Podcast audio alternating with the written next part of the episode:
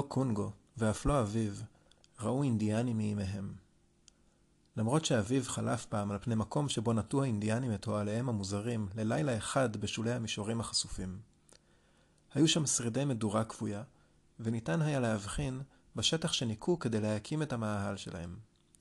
נוצות ועצמות היו פזורות על פני הקרקע, וריחם של אורות מעושנים עדיין דבק בעשב הלך של ערוות הטונדרה. קונגו ואביו חזרו אל האיגלו. שלושת האנשים הזרים כבר ישנו. אמו של קונגו חייכה אל בעלה ואל בנה וקיצרה את פתילת מנורת שמן כלבי הים שלה, כך שאור רך עדין האיר ממנה והשתקף מקירות השלג המבהיקים. אז חלצו השניים את מגפיהם, והיא הניחה אותם לייבוש על המתקן שמעל המנורה, כדי שיהיו מוכנים לשימוש בבוקר. בלילה ההוא ישן קונגו בבגדיו, כשראשו לכיוון קצה מדרגת השינה, כפי שנוהגים לעתים קרובות נערים אסקימואים, כשהמיטה היחידה בבית צפופה ומלאה באורחים. אט אט הוא שקע בשינה, וחלם שהוא מציץ דרך חור במשטח הקרח שעל, שעל האגם, ודרכו נגלה לו עולם חבוי ונסתר, עטוף בצללים ירוקים, ואנשים דמויי דגים שוחים בינות בתים מוזרים, שנראו כמו בתי איגלו המגובבים זה על גבי זה. לפתע התעורר. הבלהות שראה עד סביבו לא היו חלום. אנשים משונים עם כובעים כהים נדחקו לתוך הכניסה הנמוכה של האיגלו ומילאו את החדר במילים חדות ובתנועות אלימות. אי שם הוא קלט בזווית העין הבהוב של סכין, ולאחר מכן מישהו בעט במנורה וחושך מוחלט השתרר. בחשיכה נשמעו צעקות כעוסות, צרחות וצלילי דקירות. קונגו הרגיש בכאב דק וצורב החותך בקרסולו וקפץ ממקומו. הוא נצמד לקיר, השתופף, וגישש את דרכו לאורכו עד שהגיע לכניסה. בהתכופפו נמוך, זינק וחלף על פני איש גבוה וגרמי שריח עשן נדף ממנו. האיש ניסה לאחוז בו, אבל הוא הצליח להשתחרר ורץ אל תוך הלילה. לאן יוכל ללכת? הבית היה מלא פחד, צעקות, מילים וצלילים שכמותם לא שמע מימיו.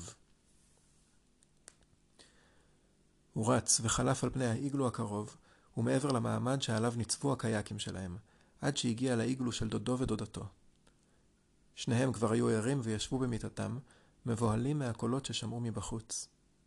כשהבחינו בו בפתח, קמו בבהילות, הכניסו אותו במהירות לתוך האיגלו והחביאו אותו תחת ערימה עבה של אורות קריבו שהיו מוטלים על המיטה. כשסיימו, חזרו מיד ונשכבו על הערימה. קונגו שמע קול צעדים מתקרבים לאיגלו בריצה, ועוד ועוד קולות משונים.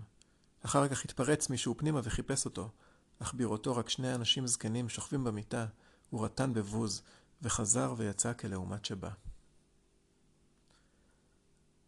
כשאור ראשון של שחר אפשר להבחין, ולו במעומעם, במה שקורה בחוץ, קדח קונגו חור קטן בקיר האיגלו של דודו, והציץ דרכו לכיוון האיגלו של הוריו. קיר אחד היה שבור, וכל כלי הבית שלהם היו מוטלים מפוזרים לכל עבר. שום דבר לא נע שם. לפני האיגלו הבחין באינדיאנים. הוא ספר 11 מהם. הם היו אנשים גבוהים ורזים, בעלי פנים שהפכו איומות ומפחידות בגלל הפסים השחורים שהיו צבועים עליהן. הם חבשו כובעים משונים, מחודדים, ומעילים ארוכים שעליהם היו מצוירים סימנים מוזרים.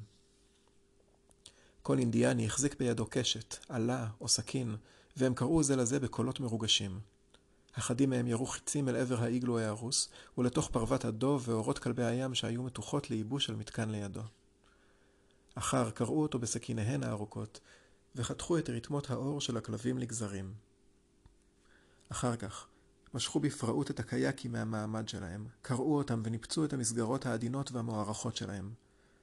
לבסוף הם אספו את כל האוכל שיכלו למצוא, והתכוננו לעזוב. לפתע, ולהרף עין אחד בלבד, הבחין קונגו באחותו, שולו. אחוז אימה הוא התבונן כיצד הובילו אותה האינדיאנים איתם למטה, לכיוון אחת מסירות הטובוגן שלהם, שעגנו על יד הנהר.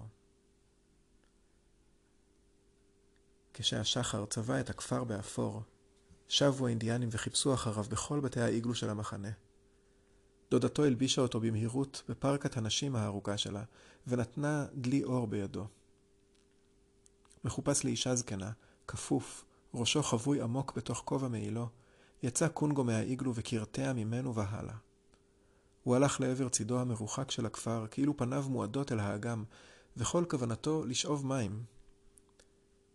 כשהיה כבר במחצית דרכו לחצות את המחנה, הבחין לפתע באחד האסקימואים הזרים שהתארחו באיגלו שלהם. היה זה האיש הגדול. הוא שכב כשפניו אל השלג, ושני חיצים נעוצים בגבו. ידו הפצועה והמכוסה בדם הייתה מושטת לפניו על השלג, כאילו ניסה לגונן עליה בנופלו. תוך כדי הליכה, הבחין קונגו בזווית העין באינדיאני אחד שהצביע לעברו, ובאחד אחר שדרך את קשתו ושילח חץ לעברו. החץ שרק וחלף סמוך לפניו וננעץ בשלג לידו. למזלו, לא ניסה האינדיאני לראות בו שוב. קונגו המשיך לקרטע על פני הגבעה ונעלם מעיניהם. ברגע שהגיע לאגם, העיף מעליו את הפרקה של דודתו. חטף סכין בעלת להב שנהב שהייתה מוטלת ליד חור בקרח, והתחיל לרוץ. הוא רץ מהר ככל שיכל והרחק ככל שנשאו אותו שתי רגליו. הוא שם פעמיו לכיוון צפון ועקב אחרי קו החוף כדי לא לאבד את דרכו. הרחק מעבר לנהר האנשים הענקים, הוא ידע, מצויים מחנות של אסקימואים, ואלו יוכלו לעזור לו. כשהגיע הלילה, הוא נאבק למצוא את הכוח להמשיך לרוץ. הוא שכב בשלג מותש, ועיניו מלאו דמעות כשנזכר בגורלם של אביו ואמו ואחותו שולו. ואז, אט אט, החל זעם נורא צומח בקרבו. מחשבות אפלות עלו ממעמקי ישותו והציפו אותו כליל. הוא היה רק בן 12 חורפים, אבל הוא נשבע בליבו שאם רק יצליח להגיע חי למחנה האסקימואים הבא, יבוא יום והוא ינקום את העוול הנורא שנגרם למשפחתו על ידי האינדיאנים מארץ המקלות הקטנים.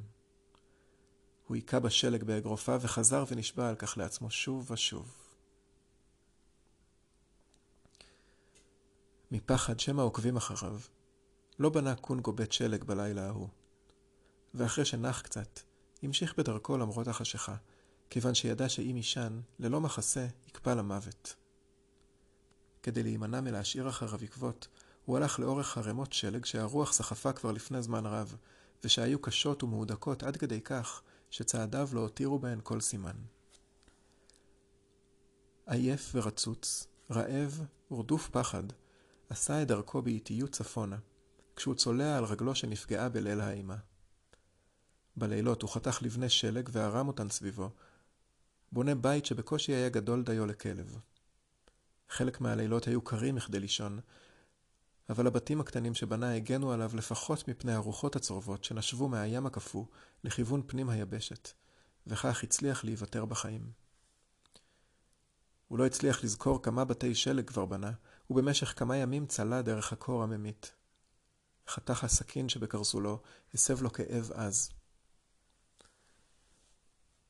ערב אחד הבחין צייד כלבי הים, אינוקפוק, שהיה בדרכו חזרה לביתו, לאחר מסע ציד על גבי ים הקרח, בנער קפוא למחצה, שהלך ומעד בין טילי הקרח שליד החוף. הוא הרים את קונגו ונשא אותו למזחלתו, שם עטף אותו בפרוות קריבו. במשך מסעם חזרה לכפרו, החזיק בו אינוקפוק, קרוב לגופו וכרך את זרועות סביב כתפיו כדי לתמוך אותו. לבסוף הגיעו למחנה ואינוקפוק הרים את הנער המאולף מקור, מעייפות ומרעב, ונשא אותו לתוך האיגלו שלו. שם הכניסה אותו אשתו למיטה החמה שלהם, כיסתה אותו בפרוות חמות והאכילה אותו מרק דם חם, וחתיכות קטנות של בשר כלב ים עשיר. היא טיפלה בו כאם, עד שהיה שוב בריא וחזק. במשך שנתיים ארוכות חי קונגו עם אינוקפוק ואשתו, מתבונן בעונות החולפות על פניו, פורסות בזו אחר זו את ממלכתן על פני הארץ, וחיכה. הוא נהג לצאת ולחפש ביצים בין הסלעים, או לדוג עם שאר הצעירים של המחנה. אבל דומה שאיזה אי שקט אפל ומפחיד דגר בתוכו כל הזמן.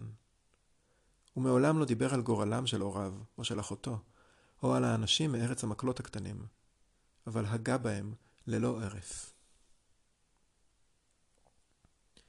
בשלהי הסתיו של השנה השנייה, אחרי שהשלג הראשון הגדול כבר כיסה את האדמה במרבד לבן, ולהקות הכלבים יכלו שוב לדהור עם המזחלות, הגיעו למחנה שלהם צייד אחד, ובנו, שגרו במחנה אסקימואים אחר, צפונה מהם. ערב אחד, סיפר הצייד למארחיו וידידיהם סיפור ארוך על ביקור שערך באי מרוחק, טוג'ק שמו, ושאליו אפשר להגיע בעזרת מזחלת רק במשך החודשיים של אמצע החורף. באי הזה פגש איש זקן מסתורי, היודע דרכי אדם וחיה. הזקן היה קשת אומן, ולמרות שעיניו וגופו כבר היו חלשים, הוא הצליח לדרוך קשת גדולה עשויה קרן שאף החזק מבין הציידים לא יכול היה לדרוך. גם עיניו הזקנות עדיין היטיבו לראות דיין, כדי לשלוח חץ הישר למטרה ולפגוע בה תמיד, תהא רחוקה או קטנה ככל שתהא. אשתו של הזקן יכולה לתפור תחים של קייק עם חוט עשוי גיד, כך שמים לעולם לא יוכלו לחדור באדם, לאחות ולתפור כל חתך או קרע בגופו של אדם.